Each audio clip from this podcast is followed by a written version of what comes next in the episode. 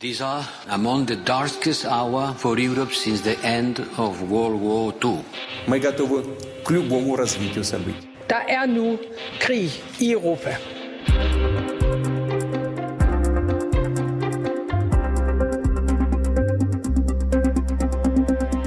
Svigter Tyskland Ukraine? Den tyske kansler Olaf Scholz møder kritik både hjemme og i udlandet for ikke at hjælpe Ukraine nok. Og det til trods for, at kansleren øh, få dage inden i den russiske invasion af Ukraine proklamerede et vendepunkt i tysk udenrigspolitik. Et vendepunkt, der blev mødt med klapsalver og kaldt historisk og epokegørende, og som endda også omfattede et øget tysk forsvarsbudget og våben til Ukraine. Og for et par uger siden, der sagde Scholz det tydeligt igen, nemlig at Tyskland har truffet en afgørende beslutning om at levere våben til Ukraine. Vi leverer, vi har leveret, og vi vil levere, sagde altså Olaf Scholz. Men nu, hvor øh, ukrainerne råber på tungere våben i forbindelse med den påbegyndte russiske offensiv mod Øst-Ukraine, ja, så tøver kansleren. Og fra øh, folk i Scholz's egen koalitionsregering lyder det, at det lige nu er kansleren, der er problemet. Mit navn, det er Cecilie Lange. Og jeg hedder Alexander Vils Lorentzen, og det her er Krig i Europa.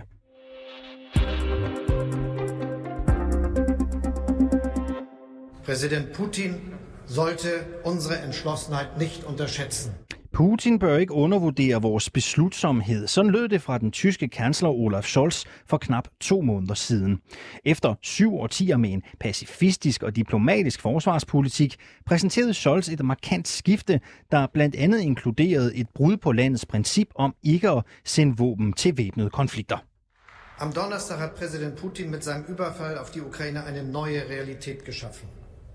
Diese neue Realität erfordert eine klare Antwort. Wir haben sie gegeben. Wie Sie wissen, haben wir gestern entschieden, Med hans angreb på Ukraine har Putin skabt en ny virkelighed. En ny virkelighed, der kræver et klart modsvar. Det har vi givet. Vi har besluttet, at Tyskland vil levere våben til det ukrainske forsvar. Til mange overraskelse så det ud til, at Scholz satte foden ned over for den russiske præsident Putin. Men nu møder kansleren altså kritik og kaldes tøvende. Jeg har talt med Rasmus Brun Pedersen, der er lektor ved Aarhus Universitet. Han forsker i tysk udenrigs- og sikkerhedspolitik. Og ifølge ham, så er det da også et ganske uskønt billede, der tegner sig.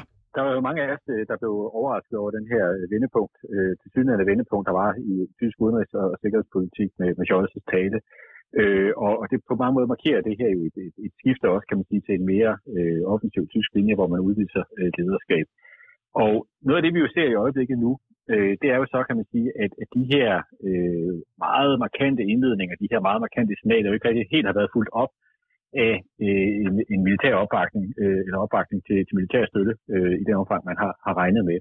Umiddelbart ser det her øh, lidt, lidt, lidt skidt ud fra Tyskland, øh, fordi man jo egentlig har proklameret nu, at man vil udøve øh, lederskab, men nu øh, hænger man lidt mere i bremsen, i hvert fald sammenlignet med nogle af de, de andre lande, som også har været i gang med at give støtte til Ukraine. Kan man øh, stille det så skarpt op og sige, at tyskerne måske lige frem er fodslæbende i deres politik? Det er sådan lidt kompliceret øh, sag at vurdere, fordi det man jo skal huske på, det er udgangspunktet. Øh, Tyskland har ikke været, øh, haft en tradition for at blande sig særlig aktivt. Man har egentlig haft en sådan relativt øh, venlig linje over for, for, for Rusland, fordi man jo også skal huske på, at Tyskland er et af de lande i Europa, der er mest afhængige af det her olieenergi og gas osv. Så derfor kan man sige, at Tyskland også egentlig på trods af sin størrelse i en mere sårbar position. Så det Scholz gik ud og meldte øh, tidligere, jamen det var markant i forhold til øh, der, hvor man stod, og det udgangspunkt, det har været. Det, man så skal huske, det er, at Tyskland giver en del støtte stadigvæk. De kommer aldrig helt til at levere formentlig det, Ukraine vil. Du beder dem om, for Ukraine vil altid bede om mere. Men der, hvor øh, Tyskland kommer til at se skidt ud nu, det er, at man ikke helt har erkendt, at det skifte, der er sket i alle de andre hovedsteder, det går meget hurtigere end tyske. Derfor kommer man meget nemt til at virke øh, fodslæbende, simpelthen fordi man kommer til at løbe efter de andre, på trods af det, vi egentlig godt kan se som et skifte i tysk politik. Så det er simpelthen ikke blevet hurtigt nok ud af, de var meget hurtigt ud af startblokken, men har ikke været villige til også at forsere sprinten øh, senere hen. Derfor kommer de til at se skidt ud, på trods af, at vi egentlig ser et skifte i tysk øh, udenrigs- og sikkerhedspolitik. Og hvis det var en bil, vi talte om her, hvor alvorlige ja. risser i lakken er der så tale om? Ja, altså på sin vis er det jo det, man skal huske på, at, at, at igen det her, det er et skifte, og, og der kommer formentlig mere, og det kommer øh, hen ad vejen. Øh, Tyskland altså, er på mange måder bruger du billedet en, en, en, en bil, ikke? Altså, det er jo sådan et større skib, kan man sige, der, der sådan skal til at, at rette kurs. Men det, hvor den jo rammer nu, altså, det er, at den så slæber op af, af siden på sådan et, et isbjerg, så den jo får en del risser i lakken, hvor man måske ikke helt får den credit, man egentlig fortjener, fordi der kommer et skifte. Men det går simpelthen ikke hurtigt nok. Øh, man har simpelthen ikke haft øh, villighed til at give de kapaciteter, de styrker, de øh, bidrag, som, øh, som ukrainerne rent faktisk har, har efterspurgt.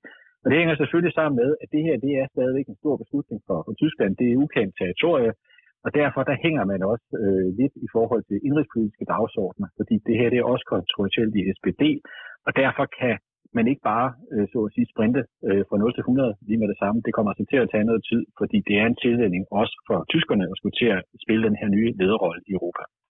Det virkede jo ellers øh, så godt, da øh, Scholz stod på talerstolen den 27. februar, øh, tre dage inde i den russiske invasion, og talte om det her afgørende vendepunkt, som mange kalder det.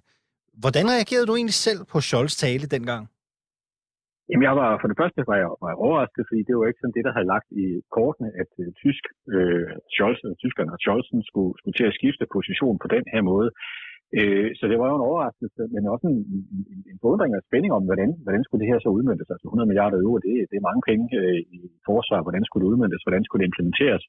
Men også, altså, hvad vil det så blive fuldt op af, bakket op af i forhold til, til lederskab øh, på, på det udenrigspolitiske område?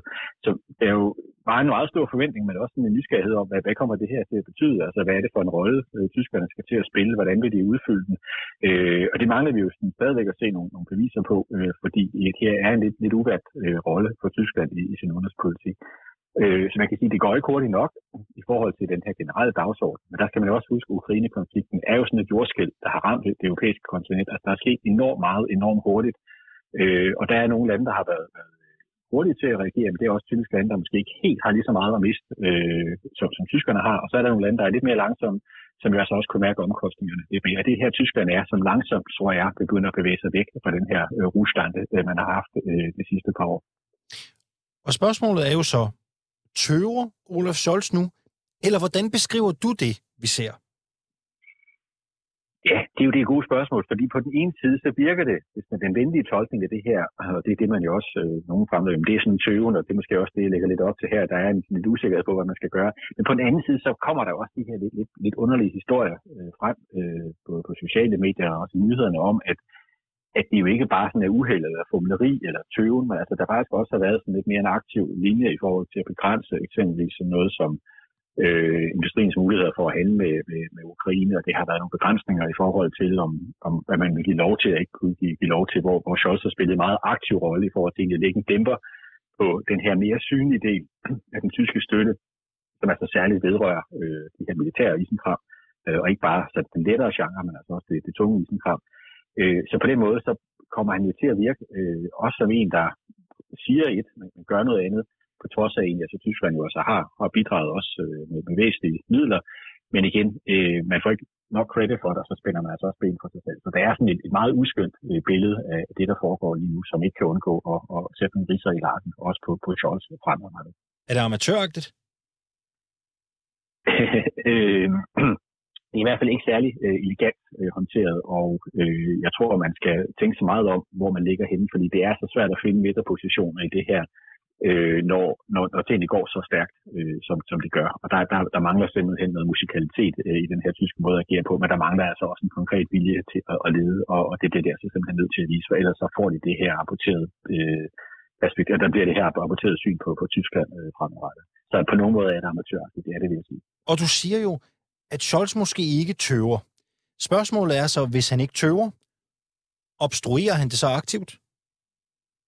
Det er, jo, det er jo det, nogle af kritikerne peger på, at han faktisk har spillet en ret aktiv rolle i forhold til at blokere nogle af de her mere synlige bidrag i forhold til militære kapaciteter og i forhold til øh, på tank artilleri og, og så videre.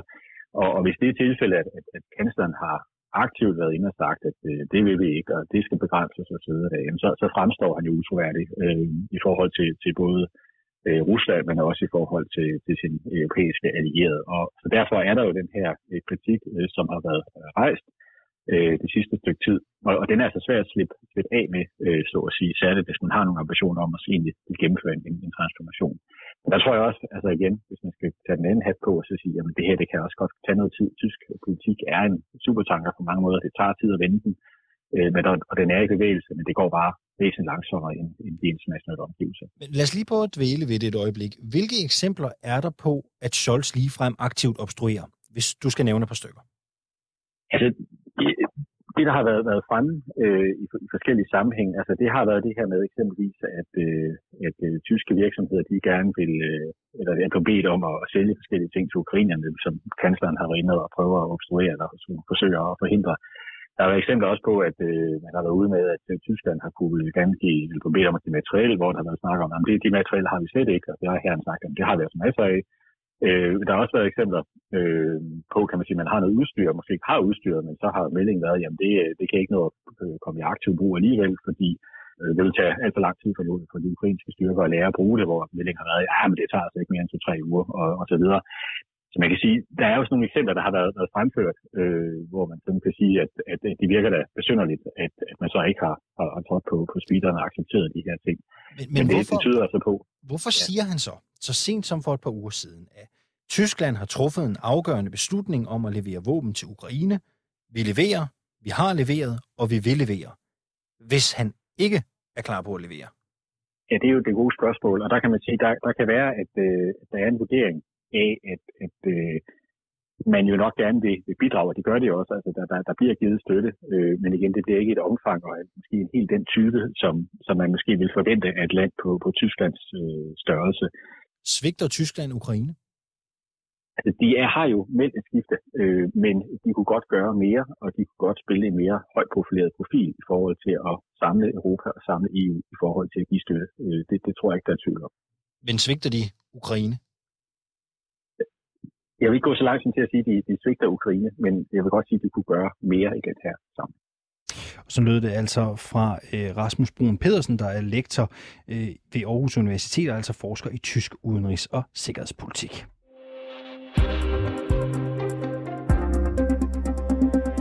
Det er på tide, at Scholz bekender kulør og i bogstaveligste forstand leverer varen. Så kontant øh, lyder det fra gruppenæstformanden i Tysklands konservative parti, CDU. Og udtalelsen handler om den tyske kanslers tøven med at sende tunge våben, som f.eks. kampvogne og artilleri til Ukraine. Lasse Sol Sunde, 24-7's øh, korrespondent. Velkommen til dig.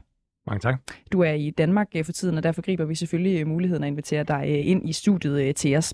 Øhm, hvor stort er presset lige nu på Olaf Scholz i forhold til netop at sende tunge våben til Ukraine? Scholz har jo selv sagt, at vi er i gang med at undersøge og levere det tunge skyts til Ukraine. Ukraine har så til gengæld her til morgen været ude og offentliggøre en liste over, hvad Tyskland har leveret siden krigens start, og der indgår der ikke tungt materiel, altså tanks, øh, øh, raketsystemer osv. Altså alt det, som man så at sige kan angribe med og, og så at sige øh, for alvor komme i clinch med fjenden med. Øh, så øh, samtidig med det, så siger øh, Scholz også, jamen vi gør, hvad vi kan for at levere, og vi gør det, så at sige, i det tempo, vi har aftalt med vores internationale partnere.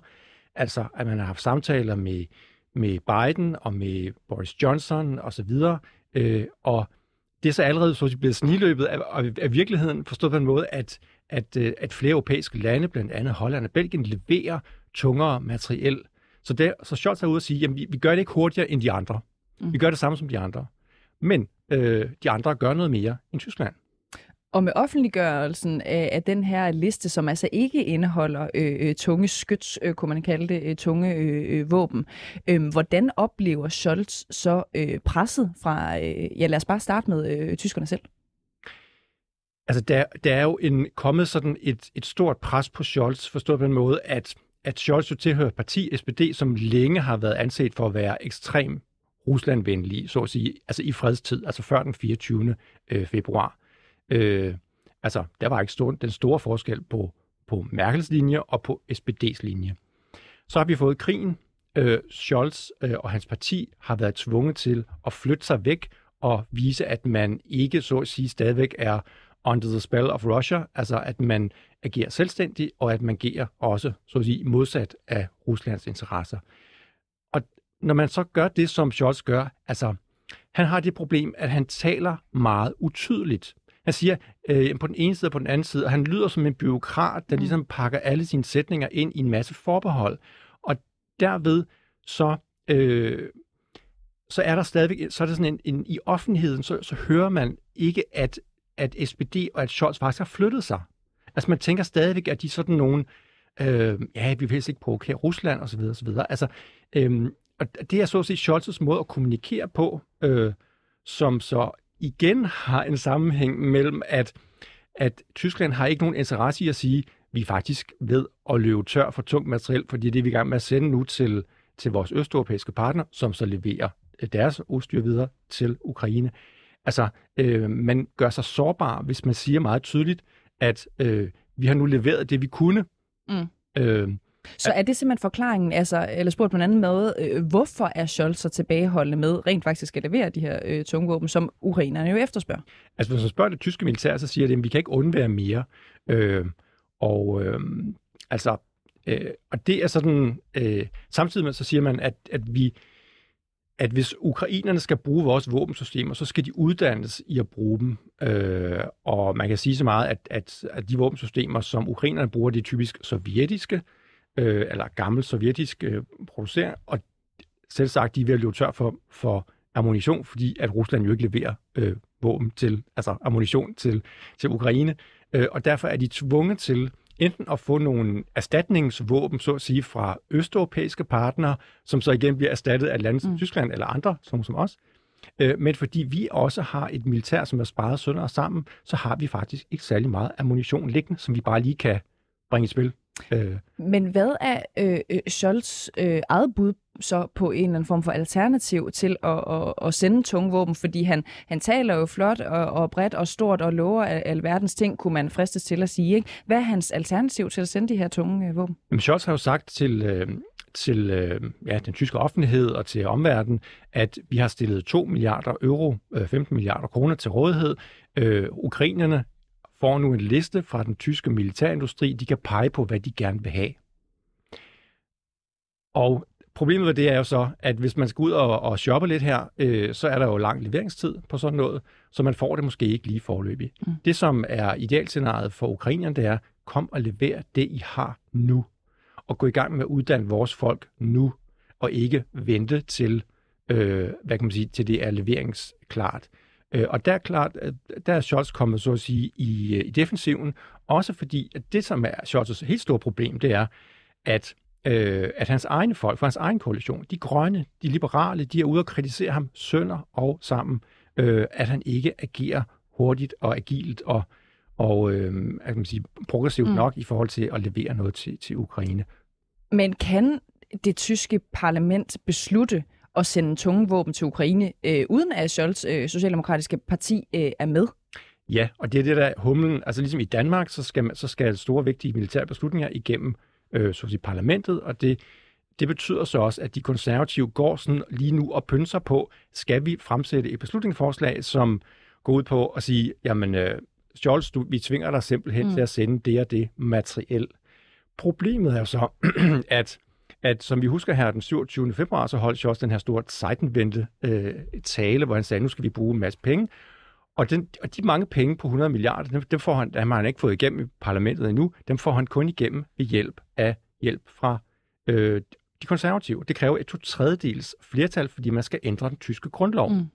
Og, øh, og det vil jo se mærkeligt ud, hvis man så at sige, på den ene side torpederede Scholz's politik, og dagen efter skulle ud og forhandle om de 100 milliarder.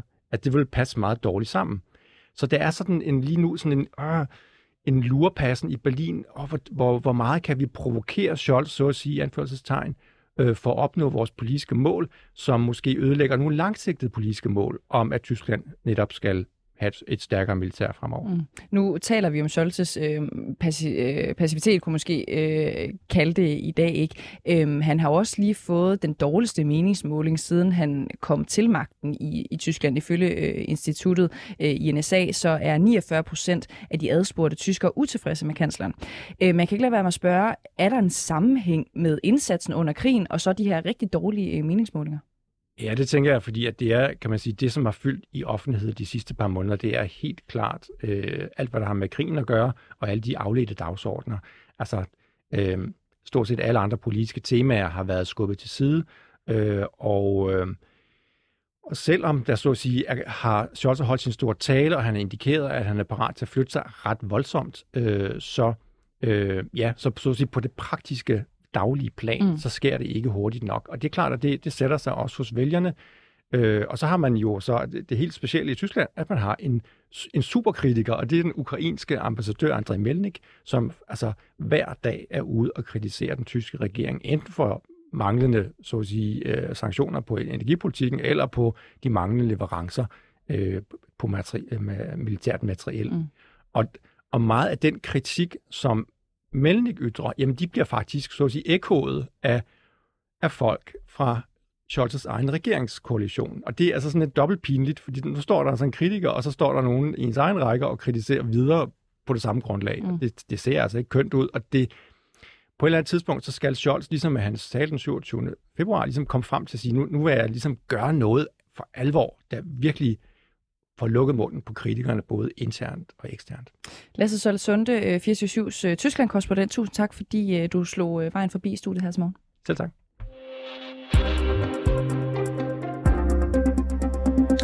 Vi ser i dag nærmere på Tyskland, som bliver kritiseret for ikke at hjælpe Ukraine nok, blandt andet ved ikke at sende tunge våben mod øst. I den sammenhæng er det også værd at se nærmere på de bånd, der har været knyttet mellem Tyskland og Rusland gennem tiden, og ikke mindst spørgsmålet om tyske politikere er villige til at kappe de bånd, de selv måtte have til Rusland. Kim Olsen, godmorgen. Godmorgen. Du er øh, analytiker hos Dansk Institut for Internationale Studier. Her forsker du i tysk udenrigs- og sikkerhedspolitik og sanktioner. Helt overordnet, hvordan vil du beskrive det nuværende forhold mellem Tyskland og Rusland?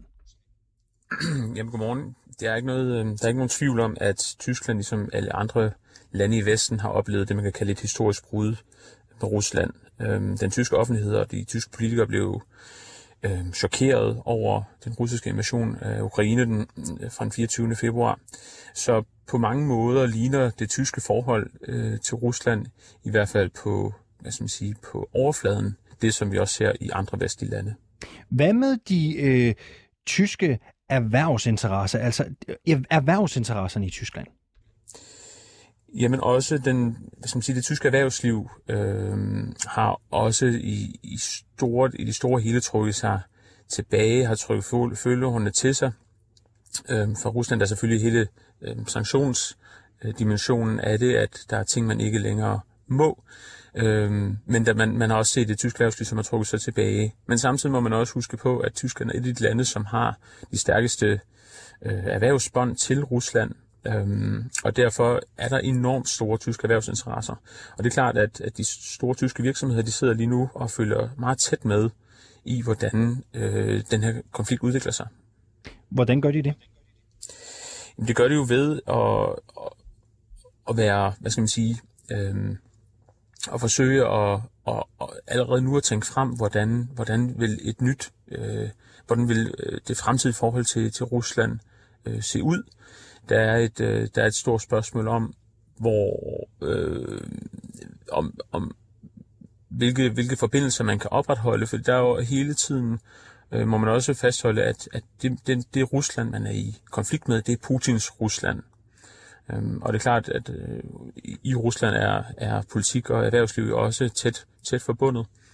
Øhm, men man, man, man, man, lige nu kommunikerer man ikke om det, men man forsøger at forholde sig øh, så nuanceret som muligt til det Rusland, man ser lige nu. Den tyske forbundspræsident og tidligere udenrigsminister, han hedder Frank-Walter Steinmeier. Han annoncerede tidligere på måneden, at han ville besøge den ukrainske hovedstad Kiev. Men han var ikke velkommen, lød det, og ifølge ham selv på grund af hans tilknytning til Rusland, og derfor blev besøget ikke til noget alligevel. Hvor står Steinmeier på sin holdning til Rusland? Jamen Steinmeier øh, gik ud et par, altså ganske kort tid efter den russiske invasion, og, øh, og proklamerede offentligt, at jeg tog fejl. Det mente han, at jeg tog fejl i forhold til min politik. Øh, i forhold til Rusland. Det inkluderede også hans tidligere støtte til gasrørledningen Nord Stream 2. Og han, han sagde ganske klart, at, at vi og jeg har troet på øh, at bygge nogle broer til Rusland, og det er nogle broer, som Rusland så tydeligvis ikke selv troede på.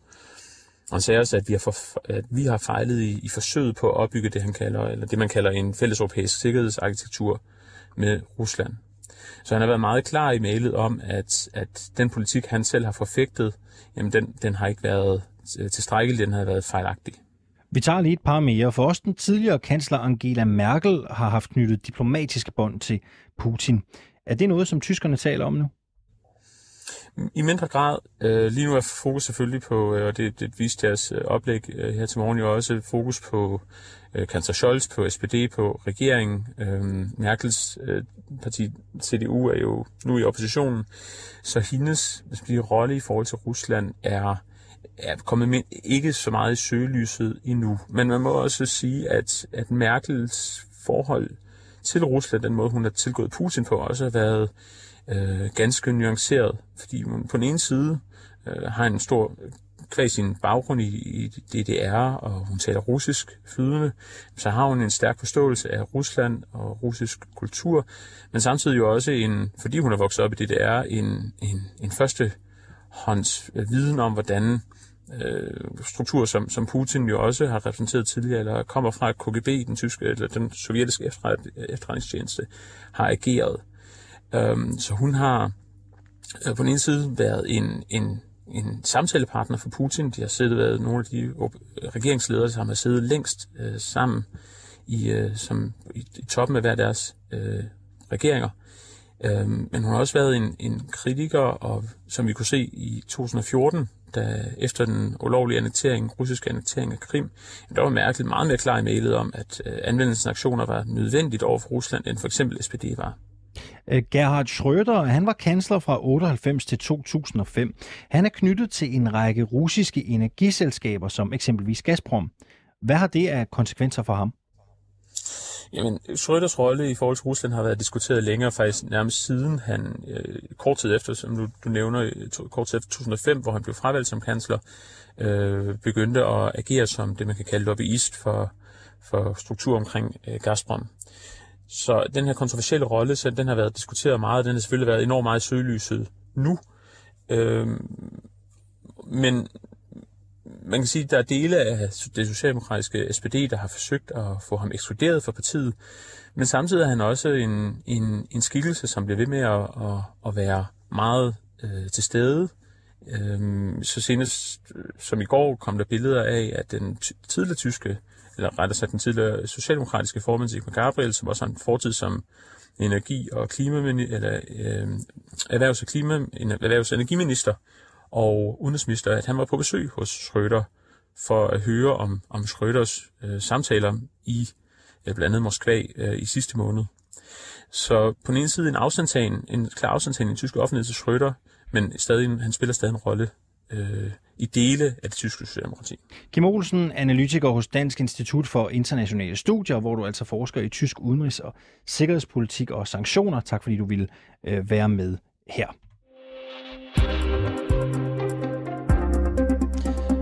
Og lige her til sidst, så lad os lige spille endnu et klip med manden, vi hørte helt i starten af programmet. Rasmus Brun Pedersen, der er lektor ved Aarhus Universitet og forsker i tysk udenrigs- og sikkerhedspolitik. For jeg spurgte ham også, hvad det egentlig betyder for Tysklands position i Europa, at man tøver. Og jeg synes, hans svar måske i virkeligheden er en meget passende afslutning på dagens mm. program. Det kommer her. Det er i hvert fald øh, sværere at gå ud og, og, og, og udøve øh, synlig lederskab, når man ikke selv så at sige, følger med øh, den dagsorden, der er, og der, det, det niveau af støtte, de andre lande giver. Altså med andre ord, øh, hvis der er en opfattelse af, at øh, Tyskland, om ikke freerider, så har sådan en cheap ride øh, på de andre stater, at man ikke leverer lige så meget, men samtidig egentlig måske øh, en af dem, øh, de lande, som, som ses som, som leder øh, i det europæiske samarbejde. Altså hvis du ikke øh, yder nok, jamen, så, så, så hænger du også i bremsen. Og her er Tyskland jo traditionelt en af de lande, der egentlig har så at sige, spillet mest i de europæiske kasser. Men lige præcis på det her område, som er så synligt, og det er så højt profileret, altså, så er det noget, der, der kommer til at trække uh, i den anden retning. Har det her nogen betydning for Scholz og Tysklands omdømme? Du har lidt været inde på det. Der er ingen tvivl om, at det her det giver, giver riser i lakken for, for Scholz, og, øh, og det åbner jo de her kritikpunkter, det øh, åbner de her flanker øh, og sprækker i det europæiske samarbejde. Øh, og det er jo hverken godt for EU, kan man sige, eller for europæiske lande, og det er heller ikke godt for, for Scholz som sådan, fordi øh, Øh, man jo på trods af egentlig har så at sige, skabt rammerne for et kursskift i tysk udenrigs- og sikkerhedspolitik, jo så ikke rigtig casher ind i forhold til så også at levere de her mere synlige bidrag, som på kort sigt kan gøre en forskel. De mange af de tiltag, som har lagt frem, og det her med generelle budgettering og den her oprustning, det er jo noget, der virker på lang sigt. Det er jo ikke noget, øh, vi får glæde af på kort sigt i forhold til europæisk sikkerhed, fordi det tager lang tid at implementere de her ting.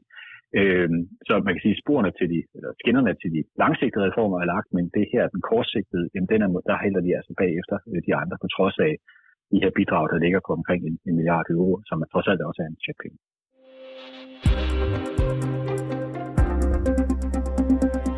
Du har lyttet til Krig i Europa den her torsdag, hvor den danske statsminister Mette Frederiksen er i Kiev for at mødes med præsident Zelensky.